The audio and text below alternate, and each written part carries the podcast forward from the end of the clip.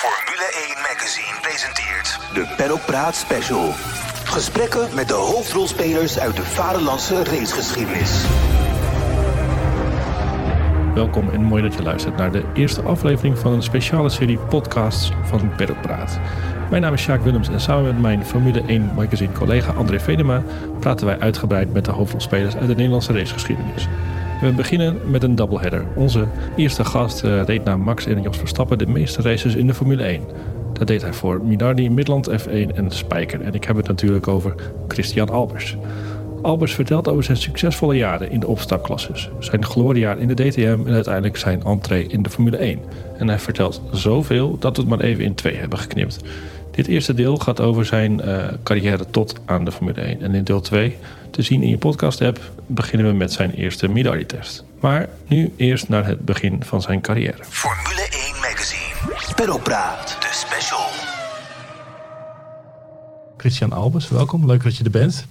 Dankjewel. Uh, André, jij kent uh, Christian al, uh, al jaren. Ja. Wat schiet je als eerste te binnen als je aan Christian denkt? Oké, okay, hou me vast. Ik hou me vast. Nou, waar ik eigenlijk uh, meteen aan moet denken, en ik denk niet dat uh, Christian denkt dat ik daaraan denk. Um, ik heb hiervoor gewerkt bij het, uh, bij het Algemeen Dagblad. Daar coverde ik ook de Formule 1. En um, Christian die was columnist bij de krant destijds. En ik schreef de meeste columns van hem. En dan zaten we dus op donderdagmiddag ergens in het, in het motorhome. En dan ging ik naar Christian toe. Ik zeg, Chris, ik zeg, we moeten de column nog even doen. En uh, nou, dat ging soms wel eens uh, wat lastig. Want dan, uh, dan had hij, had hij geen, of, geen zin is een groot woord, maar niet zoveel, niet zoveel interesse. Of we wisten niet precies waar we het over zouden moeten gaan doen. En ik heb zelfs een keer, dat kan ik nu wel bekennen, ik heb zelfs een keer een column gemaakt met, met zijn vrouw, met, met Lise Loren. Dus uh, dat zo. je niet, ja, dus zo, uh, zo ging dat uh, destijds. Dus dat is een van de eerste dingen waar ik, waar ik aan moet denken als ik aan Christian Albers denk. En alles wat jouw vrouw zegt, daar ben je het natuurlijk mee eens. Nou, maar, nou, eigenlijk niet, dat moet ik zeggen. Goed. Maar het is wel leuk om dat zo te horen van de andere kant. Omdat als, als je dat zo hoort, ja, het is natuurlijk op zo'n donderdag. Ik, weet, ik kan nu al weer herinneren, ik, ik wist het niet eens meer, maar nu komt het in één keer bij me op. Natuurlijk, de AD was natuurlijk toen de tijd ook sponsor Ja. voor mij. Uh, stond ook op de overal. Op de helm ook ja, nog op de volgens helm, mij. ja. Ja. En ehm, ja, de- dan trap je eigenlijk af in zo'n weekend op een donderdag. Maar ja, dan zit natuurlijk, je weet je, je hebt natuurlijk zowel sponsorship als zowel natuurlijk een verplichting voor een column.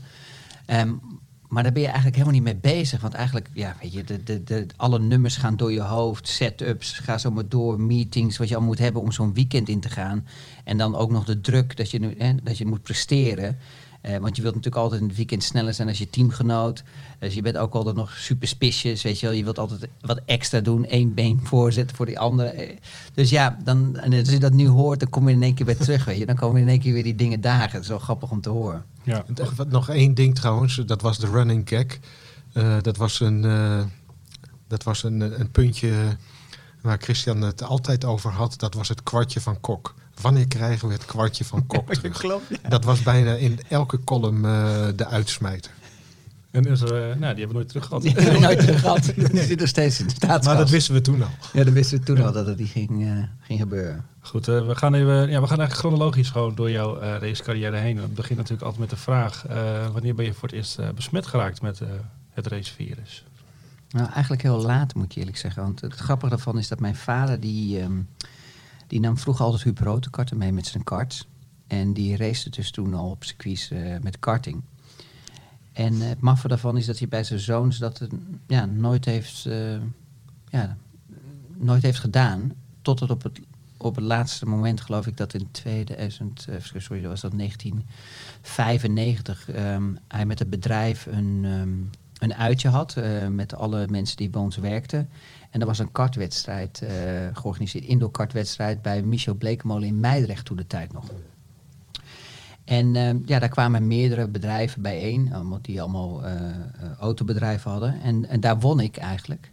En toen is mijn vader eigenlijk gaan nadenken. Toen zijn we eigenlijk twee oude kartjes gaan kopen voor mijn broer en voor mij.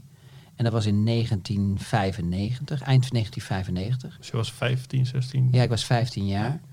En ehm, ja, we stonden meer aan de kant eh, te sleutelen als dat we aan het rijden waren. Maar eh, ja, blijkbaar deed ik iets goed. Want eh, Martijn Koenen toen de tijd, die ja, vrijwel bekend is in de karting... ehm, die zag mij rijden en die vroeg aan mijn vader of een keer op een, op een professionele kart wil rijden. Want die zag dat mijn vader meer aan het sleutelen was dan dat we plezier hadden op een circuit te rijden. En toen heb ik daar de eh, halve middag op zijn kart gereden. Ja, en toen ging ik heel snel. En toen eh, van het ene is het andere gekomen. Toen heb ik het laatste wedstrijd, NK-wedstrijd in 95 meegereden. Die had ik gewonnen. En dat was eigenlijk best wel grappig, want ik wist eigenlijk niet eens hoe ik moest inhalen. Dat had ik nog nooit geleerd. Dus ik had zoveel geluk dat ik pole position had getraind. En dat ik gewoon weg kon rijden. Maar toen begon het hele grappig in Lelystad. Want ik kan me nog herinneren, toen kwam er een achterligger.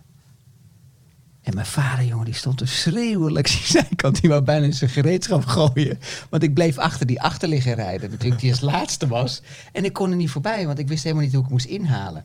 Blauwe vlaggen bestonden niet. Ja, die blauwe vlaggen waren er wel, maar die jongen die bleef doorrijden. En ik, ik was bang om in te halen. Kun je je voorstellen, ik, ik was gewoon... Ja, ik had, ik had het nooit gedaan. En geluk bij een ongeluk werd die jongen zo nerveus dat hij er zelf afging. Waardoor ik de race had gewonnen. En eh, ja, toen hebben we besloten eigenlijk in 1996... echt voor het eerst eh, mijn carrière te beginnen in karting. Maar daarnaast, omdat ik ja, toch 16 was en je kon ook al racen... zijn we begonnen met Formule Ford. Ja, en op een gegeven moment eh, won ik alles. Volgens mij, ik won Formule Ford kampioenschap, Benelux en Nederlands kampioenschap en ook karting. Ondanks dat ik een wedstrijd gemist had. Eh werd ik ook Nederlands kampioen. Of intercontinentaal was het toen de tijd. En want er was ook nog een race in België en nog een paar races. Ja, en van het ene kwam het andere. Dus ja, Toen, toen ging het ook heel hard meteen eh, vanaf dat moment. ja, omdat eh, toen ik ehm, eigenlijk zou ik, eh, was best wel ja, lullig voor mijn vader, zielig ook, want ehm, ik zou eigenlijk ehm, zou ik een testdrive krijgen bij Gert Valkenburg en dat stond allemaal klaar met allerlei andere coureurs. En ik mocht al niet meer sporten, want we waren bang natuurlijk dat als ik iets brak, hè, dat, dat ik dan een probleem had. En eh, nou was het toevallig op school eh, paaltjesvoetbal, wat ik heel leuk vond. Want ik was behoorlijk fanatiek in voetbal en tennis. Je hebt toch- je hebt toch niet iets gebroken, hè? Ja, en wat gebeurde er? Het zou, het zou er niet waar zijn dat ik toch echt mijn pols had gebroken. En ook nog de rechter, waar je mee moest schakelen. Voordat eigenlijk dat, eh, dat testdrive kwam van eh, Gert Valkenburg, gesponsord door Ford. Dus dat betekende dat mijn vader eigenlijk helemaal geen budget mee hoefde te nemen. Ik, ik hoefde geen geld te betalen. Maar ja, dat, eh, dat viel alles in duigen, omdat ik mijn pols had gebroken. En toen moest mijn vader eigenlijk als nood een, tota een compleet team opzetten. Waar toen de tijd ehm veel grappige Duncan Stutterheim bij zat van IDT. En er waren die jongens van ehm eh, Rackets, hoe heette die ook weer? Ik weet, weet eigenlijk niet eens meer. Eh, ik weet wel nog ze René Marcel heette. Maar die hadden ook ehm, een soort free record shop, maar dan net een andere naam. En die gingen rijden en daar kwam ik eigenlijk bij. En eh, dat was ook de eerste keer dat eh, Gert Valkenburg geen, eh, geen kampioenschap meer had gewonnen. Omdat ik, ik ging in een verdiemen rijden. En ik won bijna alles. En, ja, en toen kwam eigenlijk na zo'n seizoen in Formule Ford... werd ik gevraagd een test te doen bij Fries van Amersfoort. Om ik wel eerlijk zeggen, mijn vader, die woon, we wonen in hetzelfde dorp in Laren. In Noord-Holland, naast Hilversum. En daar werd, eh, mijn vader was een paar keer daar langs gegaan en had gezegd, joh Frits, eh, misschien moet je een keer kijken naar mijn zoon en eh, misschien kan dat wat zijn. eh, hè, ik denk dat het wel een talent is, want hij wint alles. En toen zei Frits, oké, laten we dan gewoon een keer eh, testen. Iemand met oog voor de talent Ja. natuurlijk. Ja, en eh, eigenlijk was Huub Rotekarter was daar toen de tijd ook behoorlijk involved bij Frits van Amersfoort. En eh, die waren eigenlijk al een beetje tegen, omdat Formule 3 toch wel eh, een behoorlijke stap is. Want je gaat eigenlijk van karting ga je naar mechanische grip, naar Formule Ford, naar de autosport, naar mechanische grip. En dan krijg je in één keer te maken met mechanische grip en aerodynamica. En, en, en vroeger was er altijd die stap daartussen, wat Jos maakte, was Formule Opel. En dan ging je naar Formule 3, weet je, dat je een beetje kon wennen en dat je kon werken aan, aan de aerodynamica en dat je daar hè, als coureur beter in kon groeien. Maar ja, ik werd eigenlijk ehm, eh, gevraagd dan door Frits om te gaan testen in de Formule 3. Daar hadden ze Bas Leijners erbij bij, die al een heel seizoen had gereden om een, eh, om een taker te krijgen, hè, Ja. wat een ronde tijd is in Zandvoort. En eh, ja, ik, ik geloof na een uur of zo eh, zat ik onder het banenkoor van Zandvoort. En was ik eh, drie tienden sneller als Bas Luijnders. Dus ja, dat was even slikken voor Frits. en toen zei Frits ja, van, tegen mijn vader van ja... Ik denk dat hij er klaar voor is om, om de stap naar Formule 3 te maken. Ja, en dat was natuurlijk best wel stressy. Want omdat ehm, Formule 3, ja, dat waren best wel gigantische budgetten. We spraken toen de tijd geloof ik over 750.000 D-mark. Dus dat was heel veel ge- geld. En dat is nog steeds heel veel geld in deze tijd. Ja, en dat moest bij elkaar gesprokkeld worden. En ehm, daar heeft een deel mijn vader eh, in meegesponsord. Waar ik hem ook heel dankbaar voor ben. Ehm, en eh, een groot gedeelte heeft Marlboro eh, betaald. En ehm, daar waren nog meerdere sponsors ook nog bij. energy drinks en ja, meerdere partijen in, in Nederland. En ja, en iedereen heeft heel veel gebaard. Dat is zoals ook, eh, zo, zowel ook trainers, weet je wel, die mij fit moesten maken voor de Formule 3, maar ook weer voor de toekomst voor Formule 1. En eh, toen zijn we begonnen aan het seizoen. En ehm, ja, dat ging eigenlijk best wel goed, moet ik eerlijk zeggen. En dat was natuurlijk wel moeilijk, want ik had natuurlijk nooit op die circuits gereden waar je komt. Dus je wordt een beetje voor de leeuw gegooid. zijn allemaal, eh, dit was eh, Formule 3 Duitsland, hè? Ja, was Formule 3 in Duitsland. Dat zijn toch allemaal circuits waar ik nog nooit met Formule Ford of met een kart had gereden. En, eh, maar blijkelijk ging dat heel erg goed. En eh, ik heb ook wat races gewonnen. Ik weet niet eens meer hoeveel. Twee overwinningen heb ik genoteerd. Ja, in Noordersring, ja.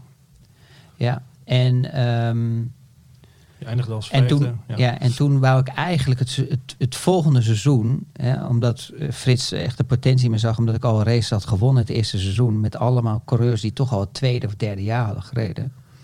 om door te gaan met mij. Alleen ja, daar was gewoon simpelweg geen geld voor. En Frits had daar wel gewoon de ondersteuning voor nodig... omdat het toch een Nederlands team was... En toen heeft Opel gezegd en Marlboro, die hebben mij toen eigenlijk een eh, free seat gegeven bij eh eh, Bertram Shaver. Die echt heel, het team was ontzettend slecht.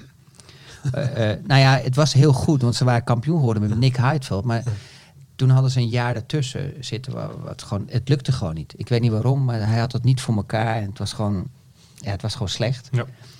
Dus hij had iemand nodig die weer kon winnen. Want dat was natuurlijk belangrijk. Want eigenlijk moet je het zien als een bedrijf. Mhm. hè. Dus elk raceteam is ook een bedrijf. Dus als je een winnaar hebt, ja, dan zit je gebakken. Want dan wil elke coureur bij je racen. Elke coureur die wil natuurlijk zijn geld uitgeven geld bij het beste mee, ja. team. Kijk, wat dat betreft, eh, na het jaar met Max Verstappen bij Frits van Amersfoort. Hè. Correct, ja. ja. Iedereen wou dat natuurlijk. Iedereen wou naar, naar Van Amersfoort. hè. Ja, en dat, en dat had eh, Frits toen de tijd nog niet gezien. Maar die luxe had hij ook niet om dat te kunnen hè, financieren. Ehm, we hadden nog wel geprobeerd. Hè, want er, waren altijd, er zijn altijd wel mensen die wel ook in me geloofden. En er waren dan financieringsconstructies en al dat dingen. Maar dat, dat wou mijn vader eigenlijk niet meer. Omdat ik gewoon daar veel te jong voor was. En toen ehm, eh, ben ik bij Bertram Shaver eh, begonnen. Eh, in de wintertesting waren we ver uit de snelste van allemaal. en, en, en toen we bij de eerste race kwamen, ging het voor geen meter. Ik stond gewoon eh allerlaatste of zo. Bij de, van de 10 tot en met 14 of 15. En dat ging zo twee races door. En ik begreep er helemaal niks van. En mijn vader en iedereen zat aan het kijken. Ik dacht, hoe kan dat nou? We waren overal bovenaan de lijst en dat soort dingen. Dus op een gegeven moment is, gingen we vragen aan Bertram Schever. Wat is er nou aan de hand? Hoe kan het nou? Waarom gaat hij niet meer? En Bertram Schever was een beetje zo'n verstrooide professor. Weet je. Die wilde altijd dingetjes proberen. Hè. Die ging altijd op de auto kijken om sneller te maken, maar ging altijd daar veel te ver in door. Op een gegeven moment is er een limiet van een auto, je hebt een bepaalde setups. En daar moet je intussen spelen. Maar hij wou altijd nog het vijfde wiel uitvinden, wat er niet was. Dus wat gebeurde nou? Op een gegeven moment dachten we dus dat de monocoque kapot was. Dus dat fijn. Bertram Scheef had een nieuwe monocoque bij Dallara gekocht. Eh, dat kostte eigenlijk weer heel veel geld voor hem, maar oké. En ik ging weer en het ging voor, nog steeds voor geen meter. En toen zei mijn vader, oké, nou ben ik er klaar mee. Want ik reed toen met het broertje van Sven Heidveld. eh, Sven Heidveld. En die zei, ik wil gewoon nu vanmiddag dat deze twee omwisselen. Dus ik ging op nieuwe banden uit met mijn auto, zette een tijd. En ik ging met de auto eruit. Daarna stapte ik over in de Sven Heidvelds auto. En was gewoon met oude banden anderhalve seconde sneller. Mhm. En toen zijn we erachter gekomen dat Bertram Schever eigenlijk met het differentieel aan het klooien was. Dus dat betekent eigenlijk, het differentieel is eigenlijk, hè, dus, in de, dus, dus de aandrijving, die kan je op spanning zetten of je kan die lichter zetten. En wat dat eigenlijk gebeurt is dat het, zeg maar, de wielen eh, zeg maar, doordrukken hè, of dat ze meedraaien. Maar als je heel veel voorspanning zet, wat dus gebeurde, dan als je de auto aanremt en je stuurt in, dan lijkt het net of dat je op het gas blijft staan. Dus je komt eigenlijk nooit in die apex. De auto die kan je er niet inremmen, want hij blijft maar doordrukken. Dus hij, gaat, hij blijft maar doorduwen, dus je krijgt heel veel onderstuur. En daar had hij eigenlijk in het differentieel heel veel spanning erop gezet. En toen hij dat veranderde, ja, toen had ik- de meeste pole positions in, in, in, in, in Duits Formule 3. Want ik had op een gegeven moment 11 of 12 de pole positions, waar Nick Heidfeld de beste was met 8. En ik had de meeste overwinningen. Dus ja, en met, met baanrecords die nog steeds vandaag staan in Oostenrijk, tot en met eh Nürburgring, tot Hockenheim, ga zo maar door. Ja. En toen op dat moment in 99 werd ik dus op het einde, dus ja, met twee vingers in mijn neus kampioen. Maar het was natuurlijk wel risky, want we hadden wel twee, drie races echt verloren, waar we echt niet wisten waar het aan lag. Nee. En, ehm, ja, en ik had het geluk dat Norbert Hauk ehm, op dat moment ehm, naar Hockheim kwam. En die zag dat ik eigenlijk de race leidde met eh 14 seconden voorsprong in de regen. En die ehm, bood mij ehm, een stoeltje aan naast Bernd Schneider in het fabrieksteam om eh, in DTM in te stappen. Alleen het was een periode voor mij waar je eigenlijk op een gegeven moment afscheid moet nemen van je familie.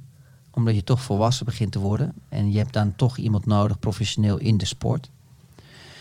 En toen heb ik eigenlijk ehm, een foute keuze gemaakt. Om een keer te zeggen, foute keuze is, is, ja, het was niet echt een keuze die fout was, maar Hij pakte niet zo goed uit. nou ja, ik, ik, ik was met, ehm, toen de tijd met de ex-manager van eh, Nick Heidveld in gesprek, Werner Heinz. Eh, maar je, je bent gewoon als Nederlander gewoon niet interessant toen de tijd. Het was ook een hele andere tijd als dat nu met, met Max is. Omdat de, de wereld is gewoon weer kleiner geworden in al die jaren met, met social media en ga zo maar door. Maar in mijn tijd was dat nog helemaal niet. Dat was meer een beetje hilagie met die Duitsers. Weet je, iedereen weet zijn plek. Als je de baas bent, ben je ook echt de baas. En, hè, en dan kijkt iedereen ook hè, naar beneden. Het is echt een beetje... je- dat was in die tijd. En eh, toen kwam ik een management tegen, dat heette toen de tijd WWP. En die vochten echt op mij om als mij als management naar binnen te halen als eerste coureur. Want die deden eigenlijk al heel veel hospitality en eh, Red Bull begeleiders die met Formule 1. En ik dacht dat ik daar de juiste keuze had gemaakt met hun te kiezen als management in Oostenrijk. En dat is, eh, dat is echt eh, ja, op een fiasco uitgelopen. Echt een drama voor mij eh, persoonlijk. Omdat ik daar heel veel tijd mee verloren heb. Want zij pushten me heel erg om niet die keuze te maken om naar DTM te gaan. Omdat zij vonden dat de juiste stap naar Formule 1 Formule 3000 was. Dus ehm, op een gegeven moment moest ik tegen Norbert Hauk moest ik hem bedanken eh, voor het aanbod. Maar dat ik er niet op inging. Omdat ik eh, mijn doel Formule 1 was. Hm. En dat ik ehm, me daarop wou focussen. Ja, en toen kwam er eigenlijk toch een bepaalde druk en strijd. Want eh, toen had ik wel de mogelijkheid om eh, voor West Competition te testen. Wat toen de tijd het Mercedes Junior team Ja. was. Red Bull ook nog, las ik. eh, Ja, en ja. Toen, eh, ja, toen kwam eh dokter Marco om de hoek ook. en ja, Wat vond hij toch- van jou? nou ja, in het begin vond hij me heel leuk. Ehm, maar op een gegeven moment wou ze dat ik een contract ging tekenen. Wat hun die. ehm, ehm, waardoor ik eigenlijk geen opportunities meer had om naar andere teams te gaan. En, ehm, Een soort exclusiviteit. ja, ja. ja. maar een behoorlijk, laten we zo zeggen, een beho- behoorlijke agressieve exclusiviteit. Mhm. Ehm, dat zij eigenlijk beslissen over alles. Hè. Dus over de toekomst en waar ze me willen plaatsen en al dat dingen. Voordat ik een test heb en voordat ik enige zekerheid had bij Red Bull. Eh, dus ik heb toen besloten eigenlijk met Norbert Hauk, maar ook met, me, eh, gewoon met mezelf en met het management toen de tijd van oké, ik teken dat niet. Want ik wil die opportunity hebben eh, bij West Competition met David Brown toen de tijd te gaan testen. Want dat was het beste team, want Heidfeld was ook kampioen geworden. En toen hebben we, eh, toen heb ik gezegd tegen dokter Marco, ja sorry, ik moet je bedanken. Maar ik ga voor, eh, voor eh, de test. En als, als ik daarna nog mag testen, ja, heel graag. Maar ja, toen waren ze natuurlijk eigenlijk op een ego getrapt. Dus hebben ze mij die kans niet meer gegeven. En toen had ik getest bij West Competition en dat ging heel goed. Alleen de realiteit was dat daarna Thomas Enge eh, vanuit Tsjechië 5 miljoen dollar meenam. eh, van eh, toen de tijd de importeur van Pepsi en wat was er nog meer allemaal, geloof ik Sprite en nog wat dingetjes. Dus toen was het voor mij game over. en toen heb ik, toen hebben, hebben we met het management toen de tijd, WWP, heb ik getekend bij Aeros Junior Team. Dat was toen de tijd European met Paul Stoddard Ja. en met Mark Webber. Ja, en toen was het gewoon een seizoen waar, wat eigenlijk helemaal niet zo slecht was. Alleen het probleem is gewoon dat je dan als Formule 3-coureur, ehm, je rijdt dus in Duitsland, je rijdt al die circuits. Ja, en dan kom je natuurlijk in de Formule 3000 waar je helemaal niet kan testen. En die tijd, is, die, die tijd was compleet anders dan GP2. GP2 kon je nog testen. Maar met Formule 1000 kon je niet testen. Dan kon, mocht je maar acht uur testen. Dus dat betekent dat als de motor over 4000 toeren, begon die af te tellen. Nou, dan kom je dus op circuits, dan loop je op Barcelona voor de eerste keer. Ja, maar als je daar loopt, kan ik je vertellen dat de bocht echt heel anders aanziet, uitziet als je er loopt, als dat je met 300 aankomt. Dat is- echt een hele andere wereld. En dan heb je ook nog maar twee sets banden. Je hebt geen practice. Dus je begint op een eh, vrijdag met twee, met twee qualifyings tegen eh, mannen die Junquera eh, tot en met Benoldi tot Alonso. Alonso was ook het eerste jaar. En eerlijk gezegd, als je dan gaat kijken naar de resultaten, stond ik altijd dicht bij Alonso. We stonden altijd eh, buiten de top 10 omdat je gewoon, wij hadden gewoon geen kans tegen degene die al ervaring hadden. Want die wisten al natuurlijk, we gaan een qualifying in. Je hebt geen training. Die wisten hoe ze met de banden moest gaan. Die wisten hoe de auto was. En de auto was echt dramatisch te rijden. Dat was gewoon echt een oude truc was het gewoon. Eh, en, en ik kan me nog herinneren, ik bedoel, ik heb hier nog, je ziet nog in mijn hand hier deze driehoek. Mijn hand was altijd kapot van het schakelen. Want dat is echt zo'n julebak die, bak die gewoon... Ja, die ging gewoon bijna nooit in zijn versnelling. Dus je hand lag altijd open. Weet je? Op een gegeven moment gingen we er altijd foam in stoppen. Om, om te zorgen dat, dat het veld er maar elke keer niet vanaf ging. En na dat seizoen... Het was, ehm, het was jouw moeilijkste jaar. Als ja, was mijn- het archief, ja. noem je dat je Ja, moeilijkste oh, race en, eh, jaar. en waarom? Omdat, ehm, nou ja, dat zijn nog wel moeilijke jaren geweest. Maar ehm, het, het grote probleem was eigenlijk dat ik daar natuurlijk een budget mee moest nemen. En dat was een serieus budget. We spraken daar echt over een miljoen. En, ehm, en dat management liet me, eh, een eigenlijk eh, leningsovereenkomsten tekenen. En met die leningsovereenkomsten betaalden ze eigenlijk het team. En zeiden dat het later dan eigenlijk weer ingelost zou worden door alle sponsors. Dus ik had gewoon een auto die vol stond met sponsoring. Zowel van Gericom Computers tot Pulsner tot eh Veltins tot wat dan ook. En ik zag dat eh, het managementbureau eh, allemaal nieuwe computers had. En het kon allemaal niet op. En juwelier en ze hadden allemaal nieuwe horloges. Alleen eind van het jaar zeiden ze gewoon dat er niks binnen was gekomen. Dus dat betekent dat ze een claim hadden van 1 miljoen euro op mij. En, ja, en toen was ik natuurlijk eh 18, 19 jaar. En ik woonde natuurlijk alleen... ik, ik was toen nog alleen in Nederland. Ehm, en mijn ouders waren eigenlijk al verhuisd. En ehm, toen was eigenlijk, na, na het jaar 2000 was mijn carrière over. En toen hebben ze me ook laten vallen als een baksteen. En ze hebben natuurlijk eh, daarna, eh, ze wisten natuurlijk dat ik dat geld niet had. Dus ze hebben me laten rusten.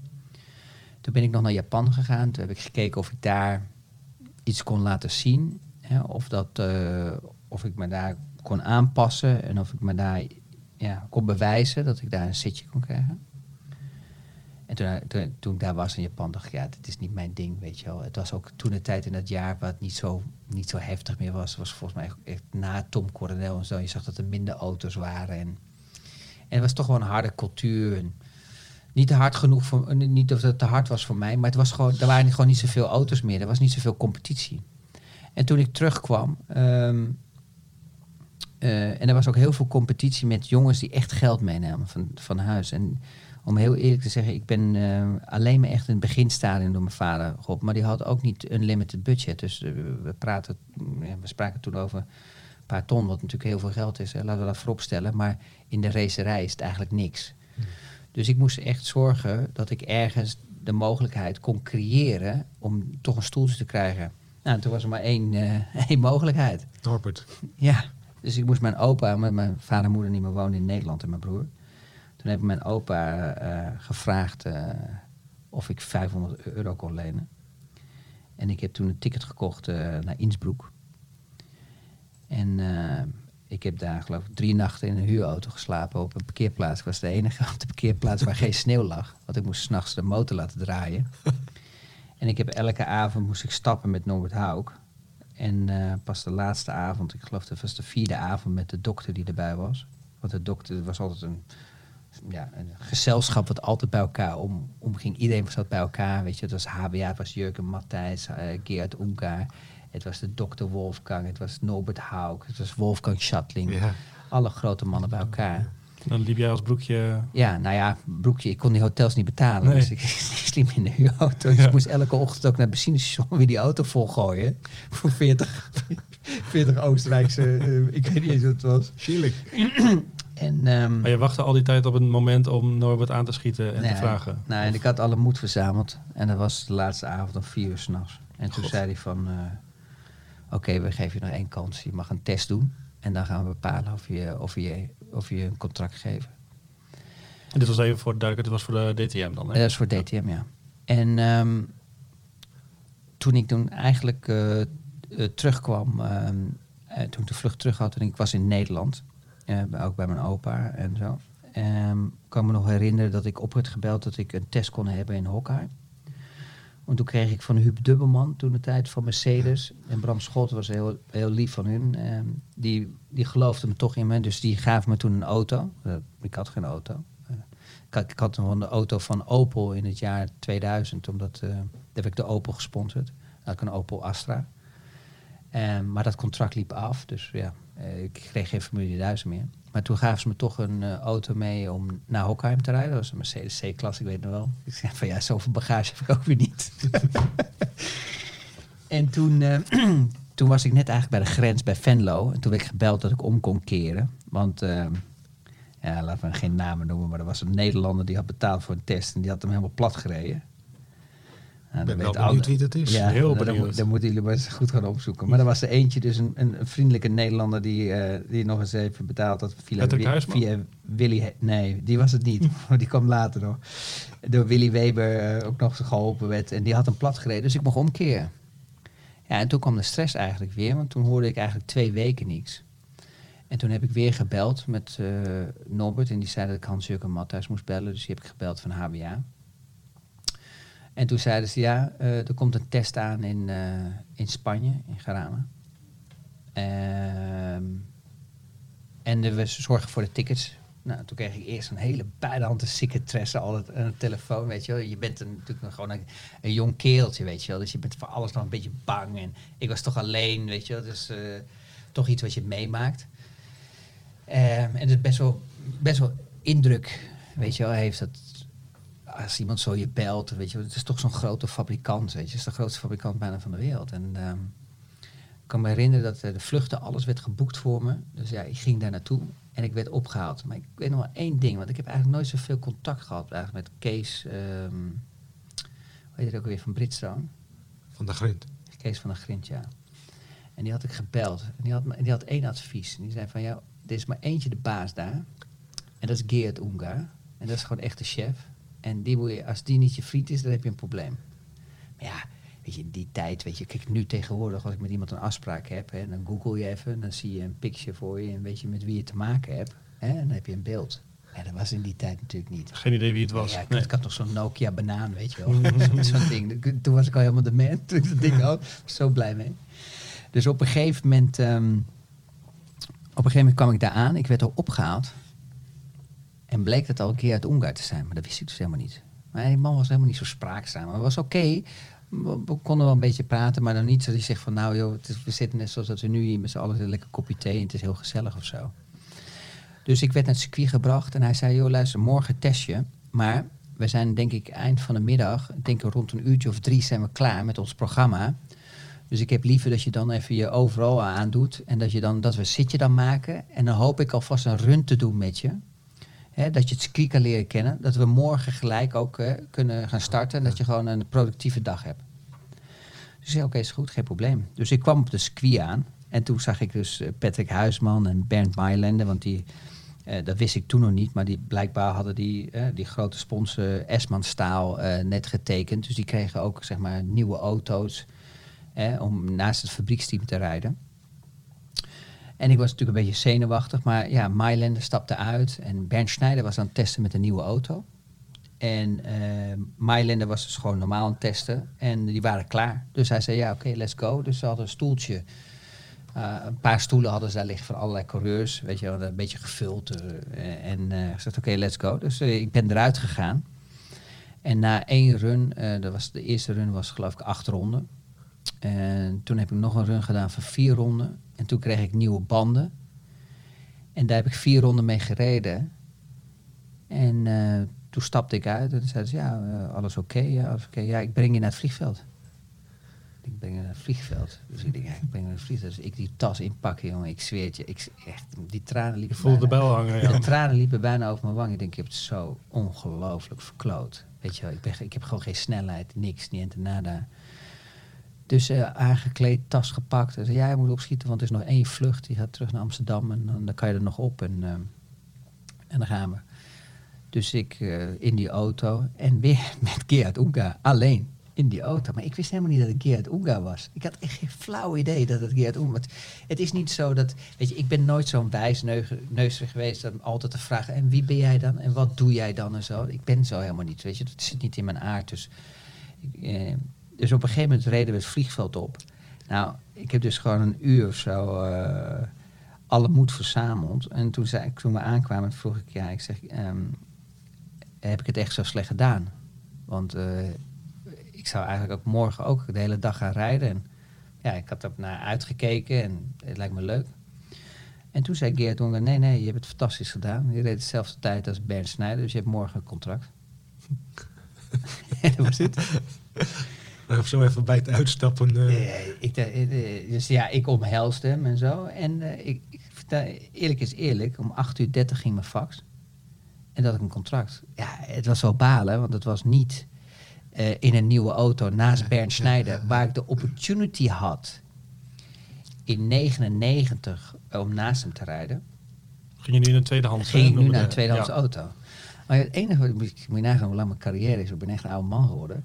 Het, ook wat leuker was eigenlijk. We hadden in 99 ook nog een test gekregen. Dus het was, eh, ik was het, Marcel Vessler, eh Sonda, Olivier Panis. Er was nog eentje, maar dat weet ik niet meer. Ook iemand van de Formule 1. En die moest een test doen. En daar was ik ook de snelste in Osjesleven met die Mercedes CLR. Dat was vroeger de CLK GTR. Daarna was het de CLR die gevlogen had op Le Mans. En daar deden ze eigenlijk de testen mee in Osjesleven om te zien welke level. En vandaar dat ze eigenlijk echt baalden ervan dat ik nee zei om in de DTM te komen in, in het jaar 2000. Maar ja, toen, eigenlijk, toen ging het eigenlijk ehm, redelijk goed. Ik ging, naar die trainingskampen. Ik voelde me eh, happy. eh, er werd goed voor je gezorgd. Alleen ik merkte wel dat, eh, dat ik meer wou. Alleen dat was natuurlijk niet makkelijk. want je, je hebt natuurlijk een oude auto. Ja, dan, mis je gewoon speed. Je mist gewoon eh, mechanische grip en eh, aerodynamica. Dus ja, dat is natuurlijk een, een één jaar verouderde auto. En daar was ik de enige eigenlijk eh, dat ik punten scoorde. Toen het jaar twee bij Mercedes kreeg ik een auto die al met, een team wat al iets beter was. Want toen was ik de enige met een oude auto die punten scoorde. En jaar drie, dat was in 2003, gaven ze me de opportunity in het fabrieksteam te rijden. En eh, de eerste race, ehm, de qualifying ging heel slecht. Eh, in de race ging het redelijk, totdat Patrick Huisman me eraf reed. Waarom mag Joost weten? Een oude auto, dus ik lapte hem. En rijdt hij me nog in de hairpin eraf. Dus toen heb, volgens mij heb toen Mercedes besloten hem eruit te sodemieteren. Dat is Toch weer, toch weer een achterblijver waar je moeite mee had. Ja, moet niet. Ja, ja, dus dan komen we weer terug bij dit verhaal. Zo is het begonnen. Zo eindigt het ook. en ehm, toen, ehm, ehm, toen, hebben, toen heb ik wel de race uitgereden. Volgens mij heb ik 50 geworden. En dit kan ik me wel herinneren dat Gerard Ungar tegen mij zei... Joh Chris, eh, ik baalde er heel van. Hij zei, joh, doe rustig. Je, einde van het seizoen kan je meestrijden voor het podium. En zei Gerard, dat gaat echt nooit in zijn leven gebeuren. Ik ga gewoon de volgende race winnen. En zei, als je deze attitude hebt, dan zetten we je weer eruit. Dan zetten we je weer in een oude auto. Nee, ik was echt helemaal in shock. Ik bedoel, hoe bedoel je? Dus, je, moet toch die, wereld, je moet toch die attitude hebben. Maar de filosofie bij Mercedes was dus dat je altijd moest bouwen, bouwen, bouwen. Je moest altijd opbouwen. En als je dat gaat zeggen, natuurlijk, dan ga je jezelf forceren. En als je gaat forceren, ga je overdrive. En als je overdrive, dan komt er dus gewoon geen rondetijd uit. Nou ja, gelukkig was ik degene die, die gelijk had, want ik won daarna de races. en hij stond en was heel erg verbaasd. En toen was ik eigenlijk de first rookie ever die eh, vier races in één seizoen won. En ik was halbzeitmeister. en toen heb ik eigenlijk het kampioenschap... Ja, ik weet waarom ik het kampioenschap echt verloren heb. Maar oké, eh, het kampioenschap heb ik denk ik ook wel verloren in Osjesleben. Want daar kwam ik toevallig een halve meter over de witte lijn bij de pit exit. Ja, en natuurlijk het meest maffere was dat ik natuurlijk eh, voor stond in het kampioenschap. En dat de laatste race in Hockenheim natuurlijk, dat ik na een pitstop op het rechte stuk natuurlijk een klapband had. Ja, Ja. vo- voordat we daar naartoe gaan, de- daar, even daarvoor Ja. had we ook een race op Zandvoort. ja, Het was toch een beetje de, de voorbode van wat we in eh, t- 2020 ook gaan zien. Hè? Nog Volle tribunes en, het Ja. Ne- en Nederlands succes. Natuurlijk. ja, dat was... dat moet even van je Ja, hoogtepunt dat geweest was... zijn. eh, Ja, Zo zie je, weet je, je maakt zoveel mee dat je best wel veel dingen vergeet. Maar ja, dat was natuurlijk gewoon kicken. Want weet je, dan kom je echt voor, ja, voor je eigen publiek. Maar het was ook nog iets, eindelijk eens een keer dat een Nederlander is. Net zoals dat Max nu beleeft. En alleen Max beleeft het nogmaals nog eens een extra level omdat het Formule 1 was. En die, die opportunity heb ik nooit gekregen. En, en, en, maar die opportunities moet je ook creëren. Je moet ook realistisch zijn. maar ja, dan, dan kom je eigenlijk op een, op een circuit waar je Formule Ford hebt gereden, waar je eigenlijk helemaal niet zoveel hebt gereden, maar je weet wel en je voelt wel elke bump en je weet waar je in moet sturen, je weet waar het camber is, je weet waar je moet zijn en waar je niet moet zijn. En het is zo maf, want ik heb daar gewoon minder gereden als wie dan ook. Maar het is Al die DTM-coureurs hadden meer ervaring daar. dat denk ik soms wel. Nou, buiten natuurlijk die Formule Ford wedstrijden die ik heb gehad. Maar het is heel maf. Er komt iets over je heen en een bepaalde spanning. En een hè, eh, gezonde spanning. Hè, en, en, en, en, en emotie. dat je gewoon weet, dit, dit circuit, weet je wel, is mijn circuit. En dat is heel maf. Je kan het niet uitleggen. Het, is, het klinkt aan de Soms andere kant voor de luisteraars een dom verhaal. Maar het is, het is echt zo. En toen kwamen we daar met DTM. En dat was natuurlijk ook de eerste keer dat een Nederlander... Ja, dat ik een auto had hè, die, dat je, waar je het zelf kon maken. We hebben je met Formule 3, dat zijn allemaal de Lara's. Oké, dat was een verschil. Ik bedoel, in Macau had ik geen kans met, de- met de Formule 3 auto. Want die Honda-motoren, die Toyota-motoren, die liepen gewoon 20 kilometer harder. Nou, dat kon ik gewoon... eh, ik, wa- ik was niks aan het doen op het rechte stukken. Die kwamen voorbij zeilen. Leek wel of een Formule 1 auto voorbij kwam. Maar hier met DTM was het wel echt zo dat je, al die auto's waren gelijk. Weet je, alle vier. We hadden Jean Lacy, Marcel Vessler, Bernd Schneider en Christian Albers. En al die fabrieksauto's waren gelijk. En er werd zo snel mogelijk gezocht naar de juiste setup. En dan mochten de coureurs gewoon strijden voor de overwinning. En dat was de eerste keer dat ik gewoon als Nederlander... gewoon natuurlijk met een competitieve auto... ja, de mogelijkheid had om te winnen. Je noemde net even die namen, hè? Alesi, Schneider. Zei, dat jou iets? Bedoel, Nou ja, in het begin... het is toch wel even Jean Alesi waar je tegen, Ja, maar toen- tegen rijdt. Ik had precies hetzelfde. Ik, ik- de eerste keer toen ik in het team kwam, toen dacht shit man, Sean joh, ik ga straks zo mijn oren gereden worden. Dat is echt niet normaal. En ik, ik, ik moet je heel eerlijk zeggen, dat heeft me echt keihard gemaakt, ook naar Formule 1. Maar ook denk ik gewoon in mijn, in mijn normale leven nu als entrepreneur en business. Dat op een gegeven moment toen ik mijn, eerste outings had gedaan, toen kwam die eigenlijk helemaal niet eens in de buurt. En ik was gewoon echt in DTM, en dat klinkt misschien heel arrogant, maar ik was daar gewoon echt sterk in. En dat, dat zei Bernd Schneider ook altijd. Als hij echt één, één iemand als teamcollega heeft gehad die echt competitief was, dan had hij, eh, dan, van mij is het de enige dat hij tegen mij zei dat hij er echt stress van mij had gehad. En dan kwam gewoon, ja, ik weet niet, ik had gewoon het gevoel, maar het is eigenlijk ook echt een Formule 1 auto. Maar daar zie je maar dat materiaal toch altijd wel een hele belangrijke factor speelt. Maar om terug te komen, ja, ik was gewoon bang voor Sean Lees, voor iedereen, joh. Ik, ik kwam in het team nieuw als rookie. En ik denk ook misschien omdat ik toch altijd wel een hele close family heb gehad, weet je wel. En eigenlijk best wel een protective, eh, echt een beetje beschermd opgegroeid ben. En ik was altijd ook op school altijd een beetje... Weet je wel, ik schaamde me snel als een leraar me een vraag stelde of wat dan ook. Weet je, ik was, ik was wel eh, de lolbroek, ik kon wel klieren en ik kon wel, eh, weet je wel, kattenkwaad uithalen. Maar als ik, als ik een vraag kreeg, kreeg ik wel een rode kop of zo, zeg maar. Was het een soort van gebrek aan zelfvertrouwen dan? Of? Ja, misschien, misschien. Maar dat had ik niet met, toen ik echt op een gegeven moment in, in, met, met racen verder ontwikkelde. Want ik was blijkbaar wel echt een hele goede ontwikkelaar. Want daar was, op een gegeven moment kwam er ook echt een spanning in het team. Omdat Bernd Schneider was gewoon de nummer één. Hij was, de man, hè? was, was Mr. de- DTM. Ja, en toen op een gegeven moment kwam er echt een breuk. Want Gerard Ungar ging toen op een gegeven moment alleen maar bij mij testen op vliegvelden. En daar begon dus echt gewoon echt toch een strijd te komen. Ondanks dat Berns eigenlijk, we zijn nu heel goed met elkaar. Maar ondanks dat het, dat het helemaal niet zijn type is. Maar ook daar zie je dan toch dat in die sport toch de bepaalde druk komt. En toch frustratie. En, eh, en, en dat was niet, dat was, dat was toen op de tijd niet heel erg fijn. Maar ik begon wel, weet je, volwassen te worden. Dat ik dacht van ja, oké, luister, ik ben, ja. ik ben de beste nu, want anders gaan ze niet met mij testen op een vliegveld. Ik, ik ging niet van Jan Joker Maar hoe natuurlijk test je op 300 een doen. vliegveld trouwens? Dan ga je op Ja, een neer. stuk. Nee, we moesten dan, nee, ik moest gewoon op één dag 300 starts doen. En dan moest ik gewoon soms gewoon een half uur de bus, moet ik, moest ik, ging ik maar slapen. Want er kwam er gewoon een nieuwe koppeling in. Waarom? Omdat we daar gewichtsverdelingen gingen doen. Voor, bijvoorbeeld, we hadden, we hadden bijvoorbeeld de bodemplaten in, in, zeg maar in, eh, in staal gemaakt. Om het gewicht zo diep, zo, zo, zo laag mogelijk te creëren. Maar ook te kijken waar de beste balans was om de beste start te krijgen. Dus des te, weet je, we hadden dus allemaal sectoren in, in die onderbodem. En dan konden we dus het gewichtsverdeling doen. En dan gingen we de starts testen. Waar we dus de meeste grip level hebben. Want als we dus met qualifying op een gegeven moment gingen we verliezen van Audi. Qua aerodynamica. Want Audi maakte de aerodynamica bij Dallara. En wij hadden de aerodynamica bij en Beaulieu eh, in Frankrijk had een keer. Nou, dat, dat was meer dat we opstegen als dat we, als dat we neerwaartse druk hadden. Dus op een gegeven moment moesten we dus eigenlijk ja, solutions eh, eh, vinden wat de beste strategie was. Dus op een gegeven moment ging test. Eh, we gingen met ehm meesturende achterwielen testen op vliegveld. Nou daar, heb ik nog wel een paar van die eh landingsbaanlichts geraakt hoor, daarmee.